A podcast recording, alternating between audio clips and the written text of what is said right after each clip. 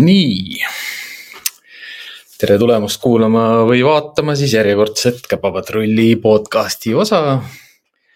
ja täna on meil teemaks siis jah, Euroopa Liidu lemmikloomakaitse konventsioon äh,. ennem kui teele lähme, jah, siis ikkagi endiselt tervitused kõikidele toetajatele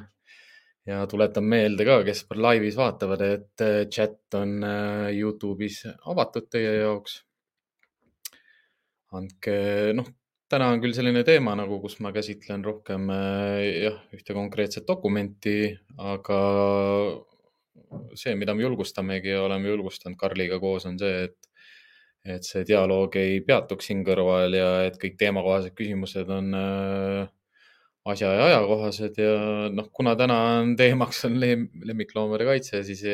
kõik, kõik, kõik teemad sisuliselt siis on ju ka täna nagu päevakorras. Kõik, mis on seotud lemmiklooma majandamisega, etoloogilise lähenemisega,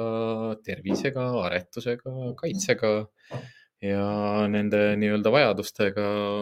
noh, millest me kogu aeg peame kinni pidama tegelikult kõik, kes on, kes on endale lemmiklooma võtnud ma ise vaatangi, et, et mul siin huule peal on väike sinikas, et selle, selle ma sain äh, ässa käest, tervitused ka ässale siis ässa perele äh,. Käisin temaga eile mängimas, jah, see on siis see koer Amstaff, kes, keda te näete Youtube'is selles videos, kus ma õpetan kutsikat vedama. et äss on, äss on kasvanud tublisti ja ilusti ja hästi selle, selle ajaga võrreldes aga ja enne, enne kui ma veel äh, lähen tänase äh, konkreetse teema juurde, siis, siis räägin teile ka ühe loo, mille, mis minuga eelmine nädal äh, järjekordselt jõudis juhtuda. Et mida ma ka oma elukaaslasele kogu aeg pean meelde tuletama, et need, kes teevad, et nendel juhtub, et kui ei teeks, siis ei juhtu. ja noh, muidugi kõik see, mis ma kogesin ka selle nädala jooksul või selle nädalavahetuse jooksul, mis oli siis selline vahepealne vahepealne mööduv, mööduv aeg sellega seoses. ehk siis lugu järgmine, et äh, reede eelmise nädala neljapäeval enne lõunat oli mul äh, siis üks individuaalkoolitus, kohtumine seoses sellega, et äh, noh, võeti endale pisikene toy terrier ja, ja ta ei jaluta rihmas, kardab rihmas jalutamist. mul üldiselt on niisugused head nipid olemas selle jaoks, et kuidas koeri rihmas jalutama õpetada. noh, ta oli juba kaheksa kuune küll ja ja noh, jälle see on see väikse koera sündroom, kus, kus väikest koera kasvatatakse tihtipeale nagu last ja talle lubatakse rohkem äh, kui suurtele koertele ja siis seal võib psühholoog, noh, ütleme, et need ei olegi nii, noh, tema puhul see ei olnudki nii väga psühholoogiline nagu takistus, see oligi rohkem niisugune õppimise ja õpetamise takistus ja äh, saime kokku, nägin ära, vahetasin erinevaid vahendeid, sellepärast et esimesed traksid olid liiga ümber, teised traksid olid äh,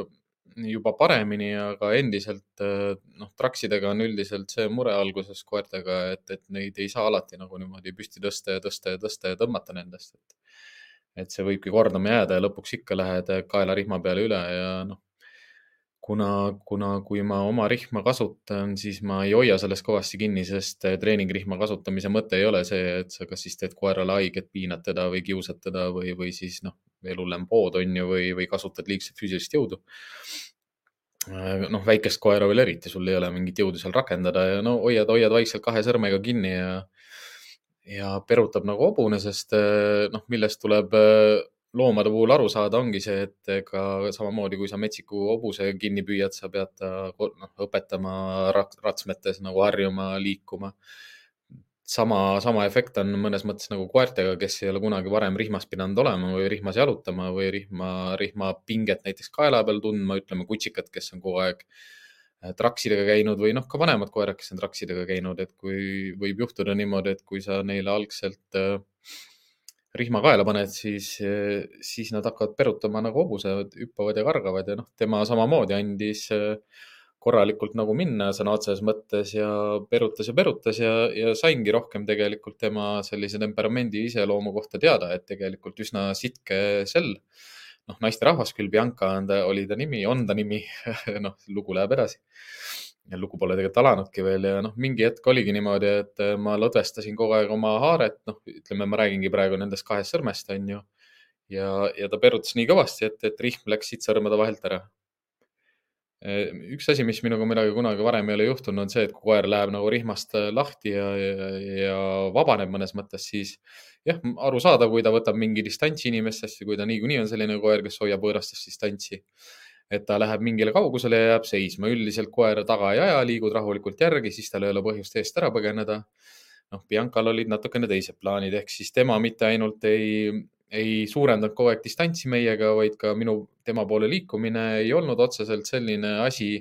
et ta nagu vaataks kogu aeg üle õla ja, ja põgeneb inimeste eest ära, vaid ta lihtsalt läks nagu nool, nagu sirgjooneliselt liikus mööda tänavat ja ainult otse, otse, otse edasi. proovisin tal rahulikult järgi liikuda, sain aru, et ma ei jõua talle rahuliku liikumisega järgi äh,. siis ongi selline etapp seal, kus sa valmistad ennast ette selliseks kiireks spurdiks noh, tänaseks nüüd ma tean ka, et ma ei spurdi enam nii kiiresti kui paar aastat tagasi ja, ja kui ma spurdi ülesse võtsin, siis Bianca võttis veel suurema spurdi üles ja, ja jooksis nii kiiresti eest ära, et võimatu nagu väiksele koerale järgi jõuda. ise harjunud sellega tegelikult, et väike koer ei jookse nii kiiresti eest ära, mida lähemale sa inimesena jõuad koerale, seda rohkem toogu maha võtab. aga Bianca töötas nagu absoluutselt kõikidele eeldustele, ootustele ja kogemustele vastu ja mingi hetk oligi ta niimoodi, et ta jooksis Kohila kesklinna poole, ta kadus, keeras paremale kahe kuuri vahel ära. kui mina sinna jõudsin, koera pole, inimesed liiguvad kõik ringi nagu poleks mitte midagi näinud, autod sõidavad ilusti, ühtegi signaali pole olnud, ühtegi sellist märki, et koer kuskil oleks või liiguks, ei ole. noh, Bianca pisikene toi, toi terrier ka väike-väike ja läinud Äh, loomulikult kõik eelmised äh, juhtumised Elvaisiga mul nagu hinge peal ja meeles ja ei lähegi kunagi meelest ära ja, ja noh, tuleb järgmine laks, esimene sihuke ehmatus oli päris suur sellele, et, et nüüd ma kaotan kliendi koera ära. see selleks võib-olla väga pikalt sellele ei peatugi, noh, kolm sellist äh, hüpoteesi, mis me püstitasime sellel päeval, oli see, et esiteks noh, keegi leidis ta, võttis ta endale, teine hüpotees see, et ta peidab ennast kuskil. Ja kolmas see, et ta endiselt veel liigub. Äh, õnneks siis terve nädalavahetuse vältel äh, teda nähti, nähti öösel kell pool kolm, nähti järgmisel päeval kell kuus äh, õhtupoole,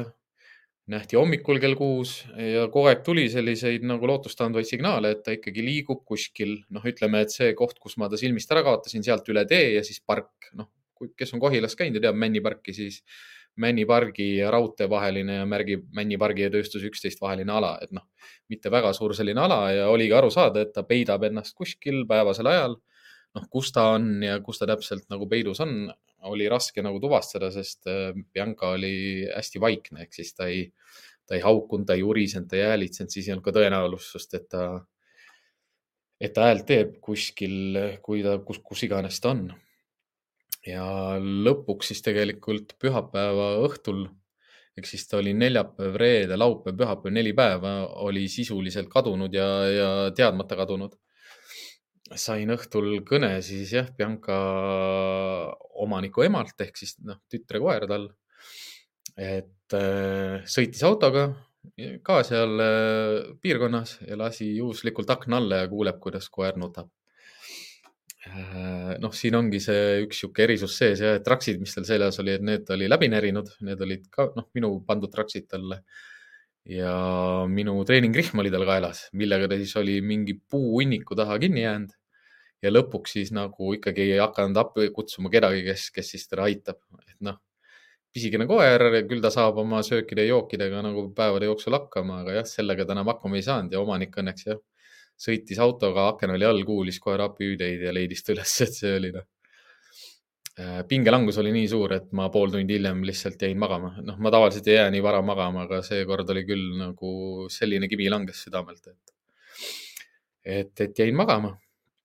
ja noh, sama, samal päeval tegelikult nad saatsid mulle videosid äh, sellest, kuidas Bianca jalutab, selle ma panen praegu siis siia ekraanile jooksma ka.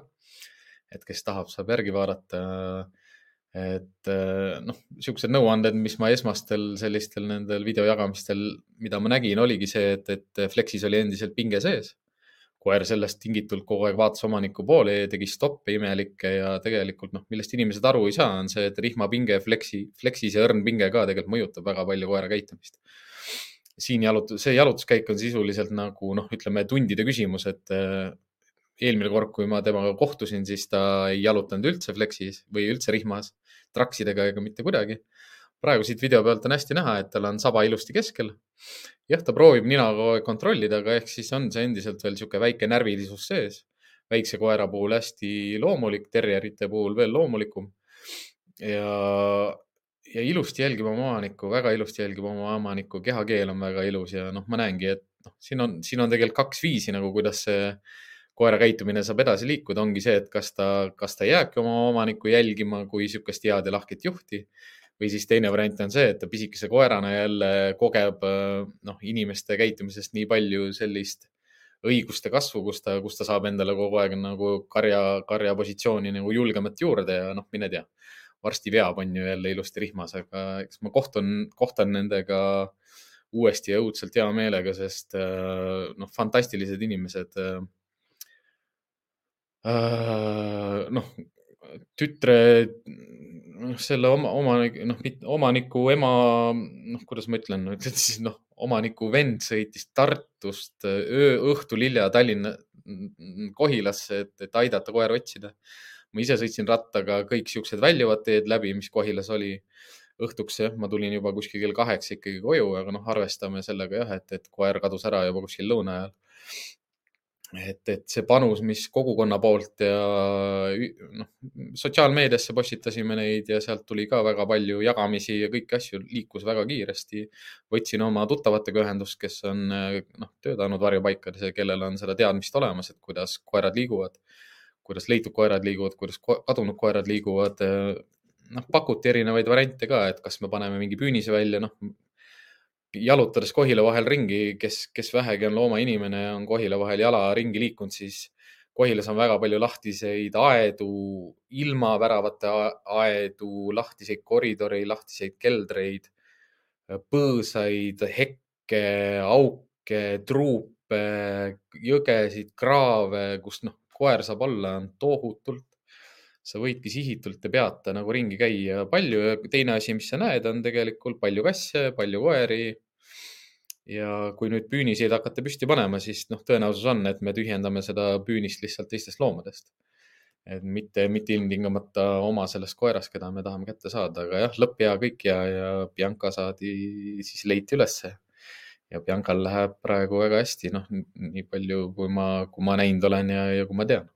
nii et see seiklus oli ah, midagi, mis oli väga vajalik, sellepärast et äh, mul ei ole kunagi sellist olukorda olnud, kus mul kliendi koer põgeneb niimoodi ära, et, et ma ei saa teda kätte.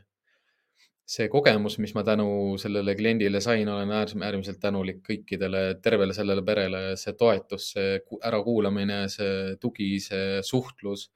mis kõik jätkus, see oli suurepärane, super, kõik need inimesed, kes panustasid koera leidmisesse, otsimisse, see oli fantastiline. et selline kogemus, seda kogeda, seda, neid mõtteid mõlgutada, neid arusaamu enda jaoks nagu selgitada, et kuhu koer võis minna, kus ta on, mida ta teeb, miks ta teeb küsimusi ja mõtteid põrgatati edasi-tagasi ja see kõik andis nagu siukse tohutu pagasi nagu koerte käitumisspetsialisti või koolitajana või koerte sõbra või armastajana ka nagu aru saama sellest, et, et äh, kuidas koerad käituvad, kui nad nagu põgenevad inimese eest ära, kus nad võivad olla, mida nad teevad, mida nad mõtlevad, miks nad kuskile liiguvad, äh, mõtestada kõik see enda jaoks ära ja ja hea on, kui kunagi nagu ei koge selliseid asju, aga hea on ka, kui sa koged selliseid asju. halb muidugi jah, kui see lõpp ei lõppe nii hästi kui seekord, aga noh, teine asi, mis oligi hea, et ma liitusin ka selle kadunud ja leitud koerte grupiga ja ja seal igapäevaselt tegelikult saab lugeda postitusi, kuidas, kust on loomi leitud, kuidas on loomi leitud, mis alustel koerad ära läksid, mis alustel nad üles leiti kus kassid on olnud, on ju mootorite ja kapotide all peidus ja noh, vahepeal ma mõtlesin selle koera puhul ka, et äkki ta on kuskil automootori juures, noh õhtul saab sooja automootorist ja ega sa ei otsi väikest koera niimoodi, et sa roomad mööda Kohilat ringi, vaid ikka noh, püstises asendis ja noh, niimoodi teda ei leidnud, et sa otsid silmadega, sest ta oli selline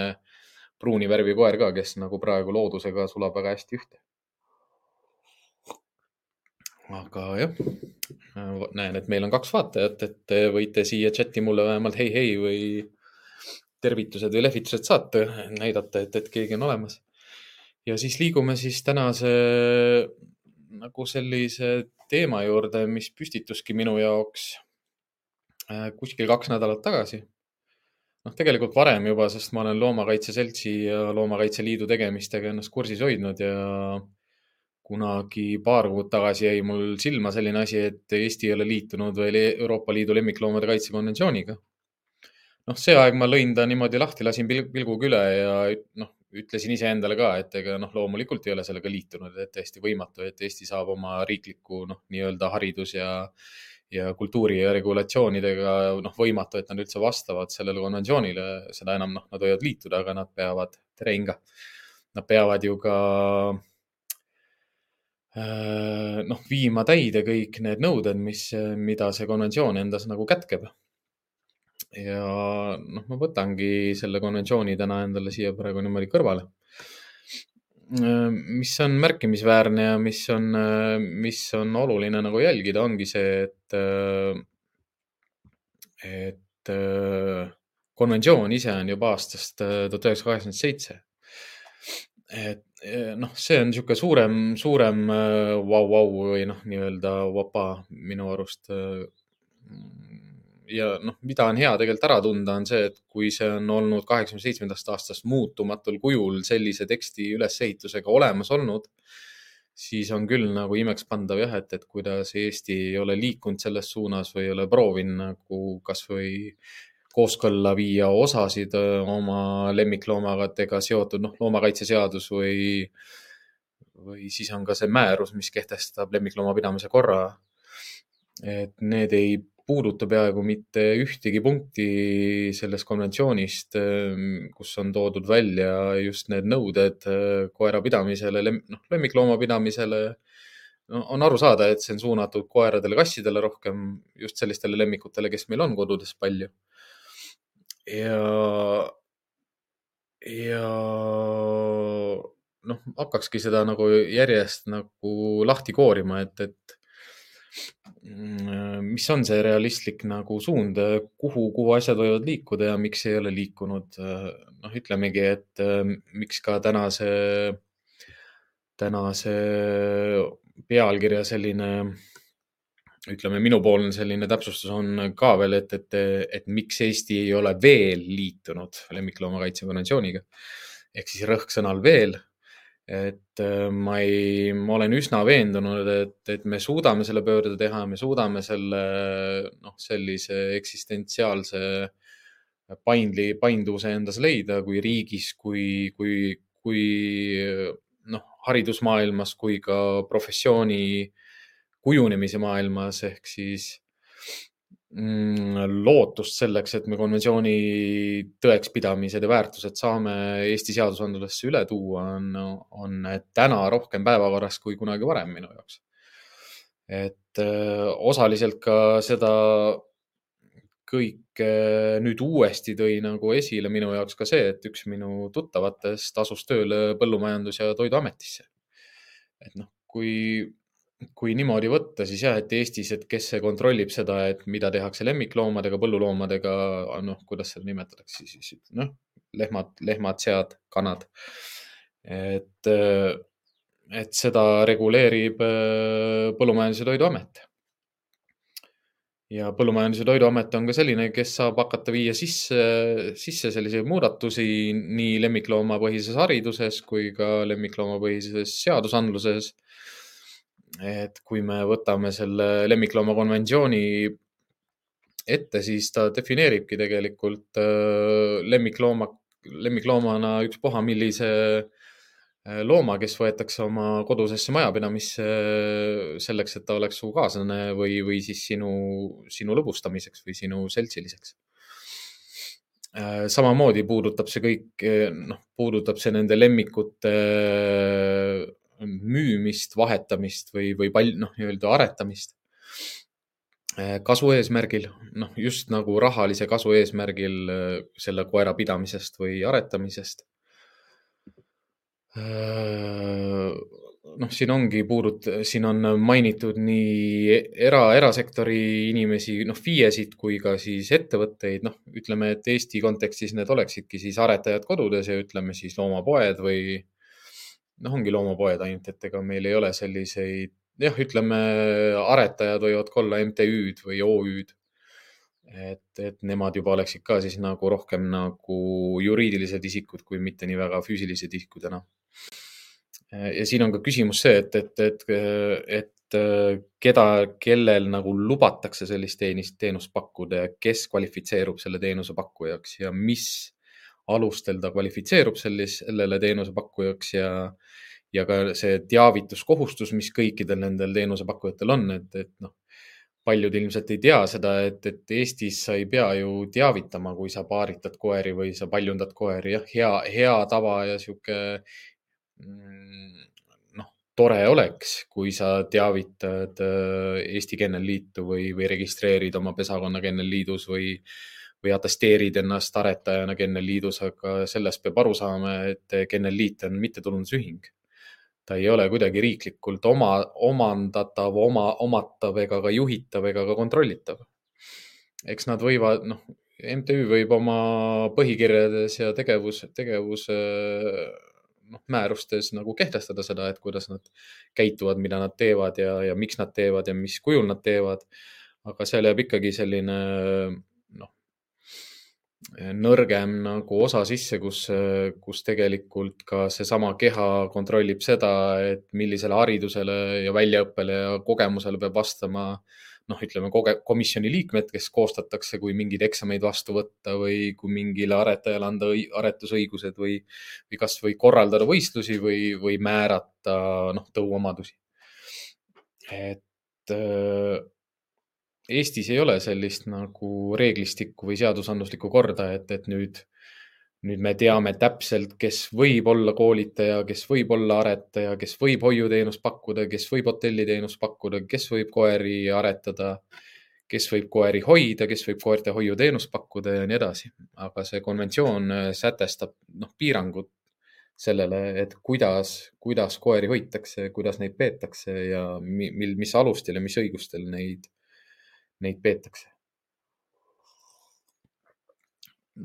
samamoodi puudutab see konventsioon ka hulkuvaid loomi, hulkuvate loomade kinnipüüdmist ja ka noh, nii-öelda varjupaigateenuse osutamist. ütleme, et Eestis ju te võite vaadata ka meie podcast'i ühte osa järgi, kus me varjupaiga inimestega rääkisime ja ütleme, et ta läheb ju järjest paremaks ja paremaks. aga varjupaiga teema on samamoodi jälle rohkem omavalitsuse baasil osaliselt ja kergelt nagu riiklikul baasil, aga ütleme, loomakaitseseadused ja asjad ju ei sisalda sellisel tasemel eh, ettekirjutusi või piiranguid sellele, kuidas loomi võib aretada, mis nendega teha võib, mis nendega või teha ei või, kuidas neid pidama peab, mis alustel neid pidama peab ja mis alusel me saame koeri peremeeste juurest ära võtta, kes ei täida neid kohustusi või rolle. ehk siis jah kui esimeses artikli osas defineeritaksegi rohkem äh, see, et millistest loomadest räägitakse, millistest alustest räägitakse nende loomade hoidmisel ja kuidas, kuidas, äh, kuidas lähtutakse sellest, et kuidas neid loomi hoida, hoitakse ja, ja milline, noh, kahjuks ta ei kehtesta ära seda, et, et millised on need pädevad asutused, kes selle üle järelevalvet peaksid tagama. aga kui me räägime riiklikust kontrollist, siis see peaks ikkagi olema riikliku järelevalve, noh, riiklik järelevalveasutus ja sellist Eestis tegutsemas ei ole. noh, see on ka põhjus, miks ju loomakaitsjad tekitavad pidevalt uusi juriidilisi kehasid, äh, kus on, kus on äh, roll rohkem tegelikult nendel veduritel ja vedajatel, nende inimeste motivatsioonil ja tõekspidamistel, nende ressursivõimekusel ja nende pealehakkamisel ja motivatsioonil tegeleda sellega, mida nad usuvad keegi ei hoia neid koos, keegi ei, ei, ei kehtesta otseselt nende tegevuse põhimõtteid, keegi ei kehtesta selle, et kas nad peavad oma tegevuses, tegevuses lähtuma laiapindsest teadusele põhinemisel või lihtsalt äh, nad valivad niisuguse kindla ja, ja range ja, ja konkreetse suuna või, või nad on ikkagi laiema fookusega ja arusaajad inimesed või nad on kitsa fookusega ja muutuvad radikaalsemaks juba noh ütleme, et selline vähemuste teooria ju ütlebki seda, et ega kui sa oled üksinda ja vähemuses, siis sa, siis sa ka võitled rohkem. aga jah, üldiselt ta sätest-, noh, ütleme, ma tegelikult võtaksin siia ühe, ühe petitsiooni lahti, mis tegelikult on Eesti, Eesti mingi osapoole pealt äh, koostatud ja ettepanek siis tehtud. ma ei ole seda suutnud nagu tuvastada, et kellele see ettepanek esitati. ja, ja mille, mis alustel või, või kui palju petitsioonist nagu osa võtsid ja kes ka selle all, allkirjastas. et ma jagan siis Äh, jagan siis jah, tegelikult ma pean kogu ekraani jagama. Siis ma saan võtta lahti oma, ei mitte selle äh, jah, loomakaitse konventsiooniga ühinemise petitsiooni. vaatan, kas äh, mul oli üks markeeritud versioon ka siin lahti. Mm, niimoodi. ehk siis jah, et kui, kui seda hakata nüüd niimoodi läbi kerima, siis esimese punkti juures tuuaksegi noh, üldiselt Eesti poolt nagu, nagu miinuseks jah, see, et ei ole õiguskait-, õigusaktidesse sisse viidud. Ja noh, minu jaoks jääb alati see küsimus, et, et kui korduvalt on selline nimetus siin nagu pädev asutus, pädev asutus, pädev asutus, et äh, endiselt oleks see minu jaoks Põllumajandus- ja Toiduamet, äh, noh, jälle see küsimus pädevuses ja, ja, ja struktuuris. et kus see pädevus tekib, mis alustel see pädevus tekib ja, nii edasi, et noh, küsimus on ju selles, et, et kas meil on piisavalt hari-, vastava haridusega spetsialiste. ja kui me räägime juba vastava haridusega spetsialistidest, siis noh, kuulake Julia Abrami äh, Eesti sada loomaarsti podcasti ja saate aru, et, et äh, milline riiklik tellimus ja milline suund on äh, rohkem nagu Maaülikoolil ja sealt välja tulevatel veterinaaridel. Et kui see on rohkem põllumajandusele suunatud ja vähem lemmikloomandusele suunatud või kui veterinaaril endal ei ole sellist vastavat huvi või, või uurimisala, siis noh, tõenäosus, et, et ta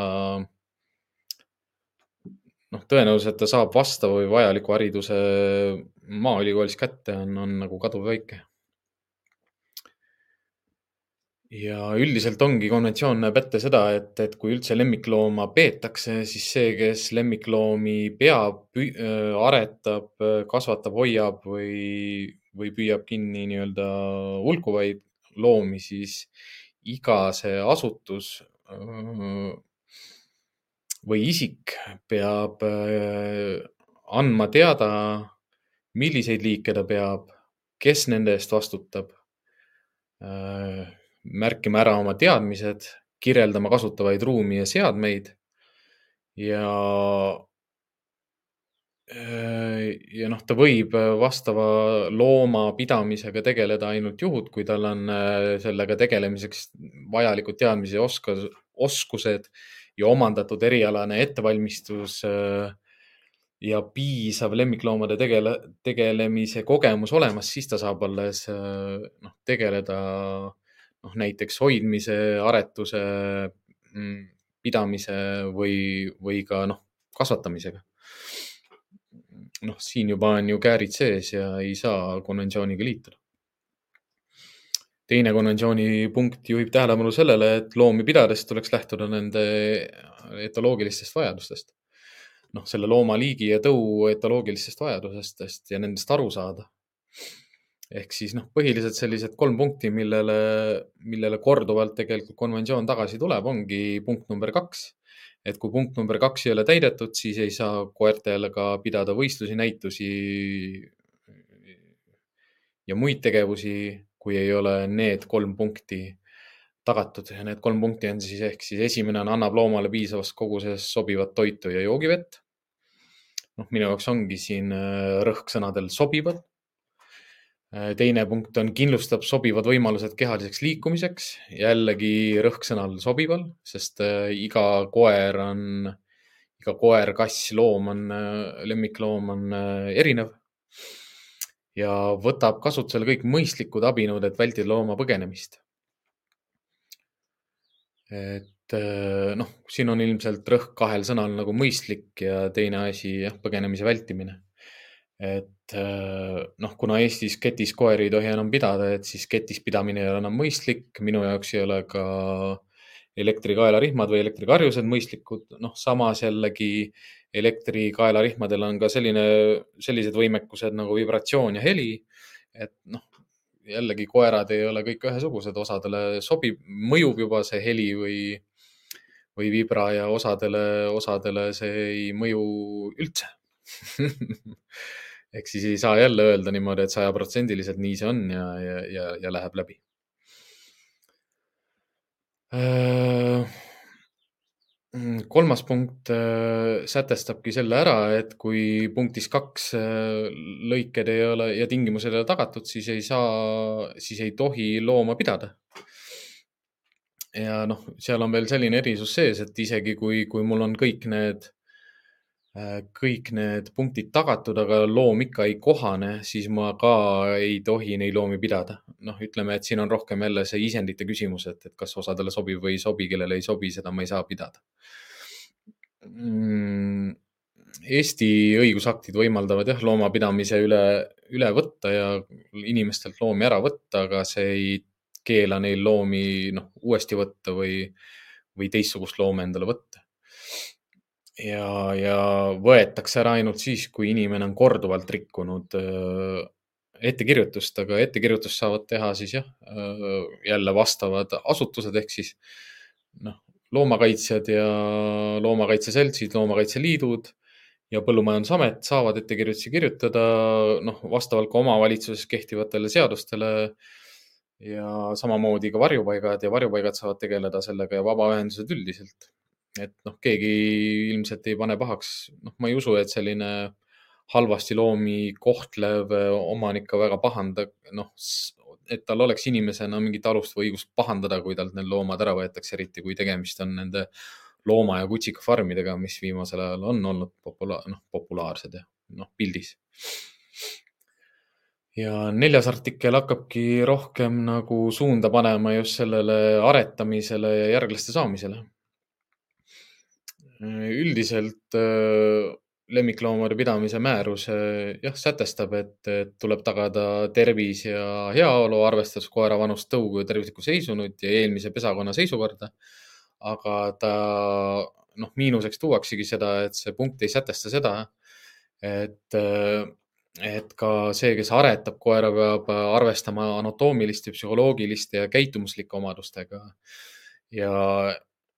eesmärgiga mitte kahjustada sündivate loomade ega emaslooma tervist ja heaolu. ehk siis äh, mm, eriline rõhk pannakse seda, et eriti ei kantaks üle nagu käitumuslikke äh, mustreid, et noh, mida, mida paljud äh, koertega tegelevad inimesed teavad, on see, et ema ja isaslooma käitumismustrid, noh, päris noh, selgelt kirjutatakse sisse nende järglastesse, noh, need ei pruugi nii tugevalt avalduda, need ei pruugi esineda, aga nende tõenäosus on suurem, kui ema või isas loomal on juba sellised käitumuslikud äh, mured ja noh, eriline rõhk on nagu pandud agressioonile ja argagressioonile, noh, aga jah, seda näeb viimasel ajal järjest rohkem ja rohkem ja rohkem. Ehk siis ongi aret, Eesti aretuse selline põhimiinus ongi see, et, et kas, kas siis pööratakse tähelepanu liiga palju standarditest lähtuvatele välimike, välimike noh, valimisele või siis lihtsalt ebapädev aretustegevus seoses sellega, et noh, ma paaritan lihtsalt kas siis toredaid ilusaid koeri, noh,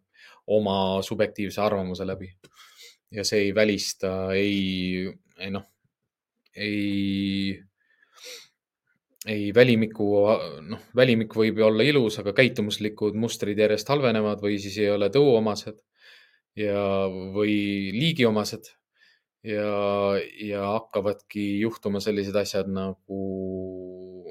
noh, vale suurusega pead, lühi-, noh, vale,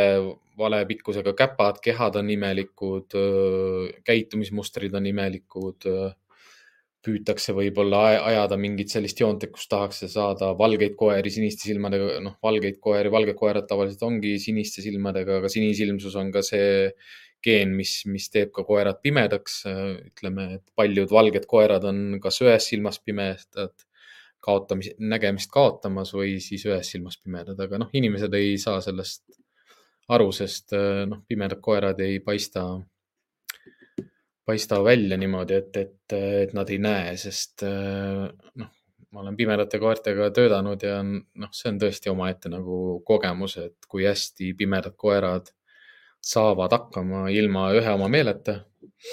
ja noh, veel vähem, kui ta on ainult ühest silmast pime või, või kerge, kergelt äh, nägemist kaotamas, siis sa ei saa üldse aru, et, et koer ei näe. koer on ühes silmas pime, siis seda on peaaegu võimatu tuvastada. Või noh, üsna raske tuvastada isegi professionaalidel äh,. nii. võtame selle ekraani uuesti ette. kogu aeg tuleb see, nii Äh, ehk siis jah, kui me võtame selle, et see konventsioon nagu esitab nõuded ka aretustegevusele, äh, aretus- ja arendustegevusele, ehk siis noh, jällegi noh, väljaõpe, aretajate väljaõpe, kus, kuskohast see tuleb, kust nad selle saavad. ja kui nad välisriikides on käinud ennast äh, arendamas, ütleme jällegi minu küsimus jällegi selles koolituse kvaliteedis ja koolituse sisu kvaliteedis kui seda korraldavad mittetulundusühingud, kui seda korraldavad äh, noh, inimesed, äh, kelle haridust ja kogemust ja väljaõpet ei ole kinnitatud või kinnistatud mingil riiklikul tasemel. Ja noh, pigem, pigem ongi ju see, et, et hea on see, kui need inimesed käivad omavahel koos, kui nad omavahel vestlevad, kui nad oma kogemust jagavad, kui see, et nad üldse jätavad nagu inimesed omapäi ja, ja leiutama lihtsalt mingit, et, et noh, leiutama seda, et kuidas olla selle liigi, selle tõu aretaja noh, selle jaoks on ka näitused ja, ja muud asjad ja see konventsioon jõuab ka tegelikult näituste juurde. Ehk siis viies artikkel, viies punkt sellest konventsioonist puudutab siis äh, treeningut või siis Äh, saavutada treenimistulemust või oodatavat treenimistulemust ehk siis treenides ei tohi sundida koeri ületama oma loomulikke võimeid ega, ega kasutada ka jõudu või kunstlikke abivahendeid selle, selliseid, mis põhjustavad vigastusi, tarbetuid piinu, kannatusi ja stressi. ehk siis noh, ta välistabki automaatselt äh, igasuguse peksmise, löömise äh, ma ei tea, pigistamise, nügimise, oga, ogarihmad, elektrikaelarihmad, poomise, kägistamise, ma ei tea, ülestõstmise, põlvega löömise, keele peale sõrmega vajutamisega, noh, igasuguseid selliseid varasemaid taktikaid, mida tegelikult siiamaani õpetatakse osadele koeraomanikele. ja mm, noh, ma näengi, et selle punkti rakendamisega ei ole ju Eestil tegelikult mitte mingeid nagu vajakajäämisi. ja see ainult ju parandaks äh, loomade, loomade koolitus ja treeningmeetodeid noh, ta ei, ta ei välista seda, et, et ei saa olla balansseeritud treeningmeetodeid või ei saa olla äh, naturaalseid treeningmeetodeid äh, ja ka lihtsalt see, kes treenib koeri, peab olema arusaaja sellest, et äh, mida sellel koeral selles olukorras, selles keskkonnas, sellele tõule, selle liigi omaselt sellel päeval selles kohas on vaja. et see ei oleks põhjendamatu või üleliigne ja, ja noh, tarbetu nii-öelda. Et lihtsalt koera piinata ei, ei ole mitte kuidagi mitte ühegi eesmärgi noh, täitmiseks. Ja kuues punkt tegelikult on, on mõnes mõttes nagu kihvt, nagu ehmatas mind ka natuke alguses ära, kui ma hakkasin talle lugema, et, et lemmikloomi ei tohi kasutada reklaamis, meelelahutusel, näitustel, võistlustel ja muudel sedalaadi üritustel ehk siis, aga noh, ta täpsustabki sellega, et välja arvatud juhul, kui korraldaja on loob, loonud sobivad tingimused lemmikloomade kohtlemiseks vastavalt artikli nelja lõikes kaks sätestatud tingimustele, ehk siis see oligi need, et looma tervis ja heaolu ei ole ohus ja, ja ta saab piisavalt palju liikuda ja liigiomaselt siis jah, käituda ja olla ja, ja ta vajadused, tema baasvajadused on kõik, kõik äh, täidetud. Selle punkti teine punkt ütleb ka seda, et ei, ei tohi kasutada ei aineid ega ravi või vahendeid lemmikloomade loomuliku jõudluse suurendamiseks või vähendamiseks. minu jaoks jälle siin väike sihuke nupukene võimalus on selleks, et mitte nii palju rahusteid ja, ja minu poolest ka või erguteid või siis metaboolseid ravimeid nagu kasutada koerte siis lihase kasvatamiseks või siis rahustamiseks või erutamiseks või noh, minu poolest kasvõi kuidas see on siis mm, kunstlikuks kastreerimiseks. Äh, noh, välja arvatud juhul jah, kui, kui see võimaldab mm, noh, tagada looma tervise ja heaolu. aga noh, ma ei kujuta ette, selliseid olukordi on pigem nagu väga-väga vähe, kui, kui et, kui et väga-väga palju seitsmes punkt puudutab siis jah, seda, mida koertega tehakse, ehk siis sabade, kõrvade ja häälepaalte ja kihvade ja küünte lõikamine või eemaldamine. noh, ütleme kasside puhul on äh, küünte ja kihvade eemaldamine ilmselt kuidagi rohkem levinud, ma ei tea, ma ei ole kasside alal nii spetsialist, koerte kihvade eemaldamisest ma ei ole kuulnud. koerte küüsi kindlasti ei eemaldata. Äh, häälepaalte lõikamine, ma ei usu ka, et on Eestis kuidagi levinud aga kõrvad ja sabade lõikamine on Eestis keelustatud, aga me saame ikka üle piiri veel tuua selliseid koeri, kellel on kõrvad-saba lõigatud ja ütleme, et teatud kultuuriruumis ka Eestis veel on prevaleeriv või kehtiv või olemas. noh, ütleme selle kultuuriruumi esindajad ka endiselt veel hea meelega lõikavad koerte kõrvuasid ja sabasid üldiselt jah, on, see konventsioon keelaks selle täielikult ära, kuigi jällegi väikse sellise klausliga, et, et juhul, kui see on ikkagi meditsiinilisel näidistusel vajalik või noh, looma tervise ja heaolu tagamiseks, siis noh, ütleme, saba saab vigastada, läheb mädanema, mul on vaja see ära lõigata, et see põletik või haigus ei leviks edasi. noh, sellisel juhul ta on lubatud, samamoodi küüntevigastused ja käpervigastused no ravi eesmärgil noh, ütleme, et niimoodi, et ravi eesmärgil ei ole otseselt lubatud koera välimuse muutmine, aga ravi eesmärgil koela elu ja tervise päästmine on lubatud. ja noh, kaheksas punkt lihtsalt sätestab jah seda, et kuidas koeri tähistatakse, markeeritakse. jah, see konventsioon suunab rohkem nagu tätoveerima. Eestis on väga hästi tööle läinud kiibistamine ja kiibistamine saab olla ka koerte ja, koerte ja kasside jaoks selline, et see ei valmista suurt stressi ja pingeid ja üleliigset valu ja stressi, et äh, kiibistamine ilmselt läheks ka ikkagi selle, selle konventsiooniga kokku.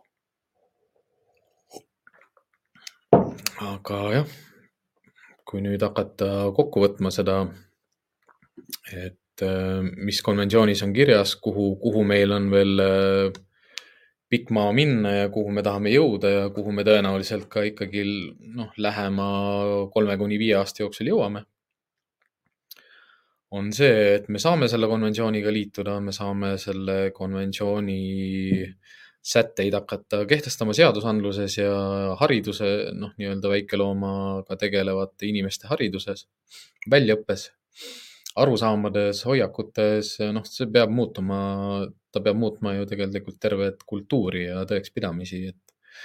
et tööd selles vallas on, on, on kindlasti palju. aga noh, nii nagu, nagu podcast'i loomise mõte ka oli selles, et, et seda teavet ja arusaama ja arusaamisi hakata inimestele jagama ja, ja ka, ja ka noh, teadvustada ühiskonda sellest, et äh,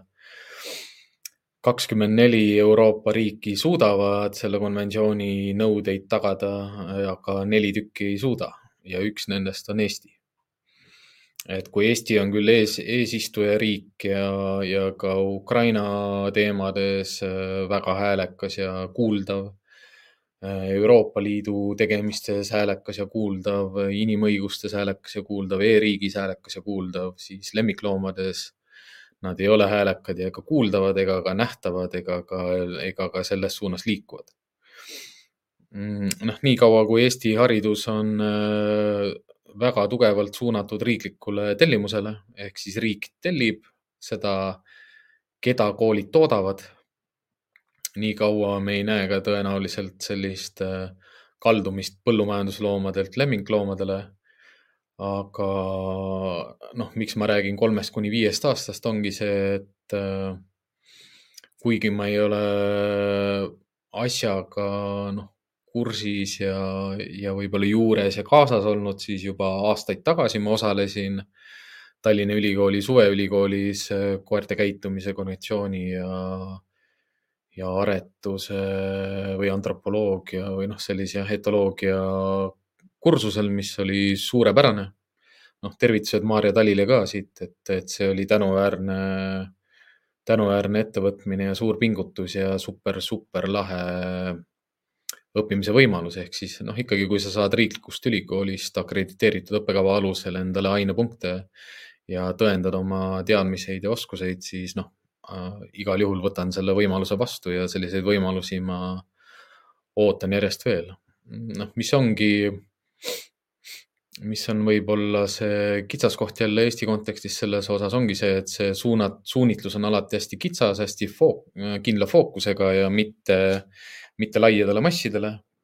et äh, mida tahakski näha väga, on see, et Eesti Maaülikool on, on selline selline selle oskuse, teadmise ja, ja, ja, ja, ja, ja tõekspidamise hoidja ja kandja, et, et, et mingi komisjon ikkagi moodustuks, kes hakkab siis välja töötama vähemalt käitumisspetsialisti õppekava, kliinilise käitumispsühholoogi õppekava, aretaja, aretus ja arend, arendustegevuse õppekava et ta ei pea olema kuidagi ju õppekava treeneritele ja õppekava koolitajatele ja õppekava koerte treeneritele, vaid just suunatud sellele, et, et, et veterinaarid ka saaksid kasvõi näiteks valikainena või õppetsüklina valida endale äh, koerte käitumisspetsialisti eriala. Äh, ja tõsiasi on see, et see õppekava tuleks riiklikult akrediteerida nüüd ongi need küsimused jälle jah, et see, et, et kes kuulub komisjoni ja, ja mis suuna, suunaga see akrediteerimine toimub. Äh, noh, tõenäoline on ja, ja hädavajalik oleks sellel see, et sinna kaasataks äh, välis, välisspetsialiste. ja noh, ma ei kahtle hetkekski selles, et, et äh, Euroopa tegevates Euroopa Liidu riikides on sellised spetsialistid olemas, kes hea meelega panustavad Eesti lemmiklooma haridusse või noh, käitumisspetsialisti haridusse. noh, kui me ei räägi ka ainult Euroopast, me räägime ka Inglismaast on ju ja, ja Ameerikast. Euroopas on väga tugev Etvösi ülikool Ungaris, noh, ütlemegi just Adam Mikloosi ja, ja selliste inimeste suunitlusel ja, ja noh, ma ei näe, ma ei näe kuidagi, et see muutuks mingiks selliseks õppekavaks, mis on mingi all positive või ta on kindlasti selline la laiahaardeline, kus, kus käitumisspetsialist ise saab äh, aimu kõikidest erinevatest metodol metodoloogilistest lähenemistest ja peab leidma seal oma selle kesktee ja tõekspidamise, et noh, mina kaasaksin kindlasti sinna nii Norra, Norra äh, ülikooli, noh, Norra ühte kooli, ma ei teagi, kas ta on nüüd ülikool või, või, või kutsekool. Äh, samad norrakad, kes käisid seal suvekoolis Linne, Linne, Linne, Linne, ma ei mäleta ta perekonnanimena. et kui kaasata sellised äh, targad ja teadjad inimesed ja panna kokku kasvõi noh, ta ei saa lühikene õppekava olla, et jah, noh, ma saan aru sellest, et, et kui mingit sellist õppekavat hakata looma, et siis on vaja ka rahastust ja tõuget ja, ja tõekspidamisi ja veendumusi nagu seadusandlusest, et selline muudatus äh, tuleks täide viia aga kui meil vaikselt neid äh, rohkem haritud ja kogemusega inimesi jõuab ka sellistesse ametitesse, äh, nad on erudeeritud ja intelligentsed ja nad saavad aru sellest vajadusest ja suudavad seda nügida, siis äh, minu jaoks on Eesti ühiskonnas on piisavalt sellist kõlapinda ja alustala nagu olemas, et, et need inimesed leida, kes hea meelega toetavad ja tõukavad seda tagant ja aitavad kaasa ja äh, kui tuleks niisugune väga kompetentne ja pädev äh, õppekava, siis äh, noh, uskuge mind, mina registreerin ennast sinna ära, et, et täiskasvanud õppija, noh, ma olen eluaegne õppija ja kavatsen õppida nii kaua, kuni ma veel hingan. et ootan seda põnevusega. et tõendada seda, mida ma oskan ja tean Äh, kindlasti mitte endale. ja noh, seda mul ei ole vaja ka otseselt teha. aga mida ma olen koolitustelt ja täiendõpetelt nagu kogenud, ongi see, et, et igalt poolt ma ikkagi võtan kellegilt midagi endale kaasa. Mm, ja, ja minu tegevus ja praktika on pidevalt muutuses ja õnneks noh, see muutus igal pool mujal maailmas käib ka ilusti kaasa, sest teadustöö läheb kogu aeg edasi ja areneb edasi ja, ja liigub edasi. loomulikult igat jälle uut teadustööd lugedes on äh,, saad sa aru, et kus eksperimendis on vead sisse tulnud ja kuidas see tulemus ei ole valideeritav tegelikult, aga noh, see selleks. mingid, mingid põhimõttelised teadmised me ikka saame, saame kätte. aga jah, siis äh, kui sa, kui sa kuulad seda podcast'i järgi Äh, minu hea tuttav, kes nüüd töötab Põllumajandus- ja Toiduametis, siis sul on palju tööd. aitäh selle eest et äh, võta kampa, kui on võimalust ja, ja leiad tuge, kui on vajadust, et, et me keegi ei ole üksi, me kõik tegutseme ühes valdkonnas ühe eesmärgi nimel ja see eesmärk on lemmikloomade heaolu ja nende, noh, ütleme, et see unistus ongi alati ju sellest äh, ühiskonnast, kus äh, loomad ja inimesed elavad äh, noh, idüllis, noh, nii-öelda täielikus arusaamas ja täieslikus kooskõlas. Et seda ei ole koertega raske saavutada. seda on inimestega raske saavutada see, aga töö ei saa otsa. Äh, käpapatrulli podcast ei saa otsa ei saa otsa juba sellepärast, et meil on väga toredad ja tublid toetajad, järjepidevad ja samasugused äh, jonnipunnid ilmselt nagu meie, meie isegi. Karli kohta siis jah, nii palju, et, et Karl endiselt veel puhkab, et äh, hea meel on kohata Eestis ka selliseid inimesi, kes oskavad puhata, oskavad elu nautida, oskavad elust rõõmu tunda. ei, mina oskan ka täiesti elust rõõmu tunda ja ja, ja kõige parem tegelikult ongi koerte käitumisspetsialistil see ju, et ega koerad teevadki elu, elu huvitavaks. ja nendest, nendest nagu vajaka ei jää et noh, saadki näidata, et äh, Prantsuse buldogi auk, äh, Amstaffi laks on ju, et neid erinevaid tõuge ja koeri, noh, neid näeb endale, endale ei võta ja ei taha ka ja veel. et tuleb maja valmis ehitada ja, ja täiskohaga tööl käia, et podcast'i jaoks on veel aega, aga ka mitte nii palju, et te saate isegi aru, et administratiivsed tegevused on suures osas tegemata, aga, aga üks asi, mis kindel, et kolmapäeviti kell pool kaheksa ma vean ennast jälle arvuti taha ja, ja olen siin teie jaoks olemas. tänan, et ka teie, meie kuulajad, olete olemas. kõik teemakohased küsimused on äh, võimalik esitada video alla kommentaaridesse, vastame kõikidele küsimustele oleme tänulikud ka kõikide küsimuste eest. Ja selle lingi siis sellele Euroopa konventsioonile ja ka Eesti-poolsele petitsioonile, need ma lisan siis video alla ka teavitustesse. et kellel on huvi, saate need sealt kätte ja saate nendega ise tutvuda ja ise välja lugeda seda siis, mida see teie jaoks ütleb ja teie jaoks teeb ja nüüd, kus te olete jälle natukene targemad, rõhutan äh, seda, et teadmatus ei ole lollus. Head õhtut ja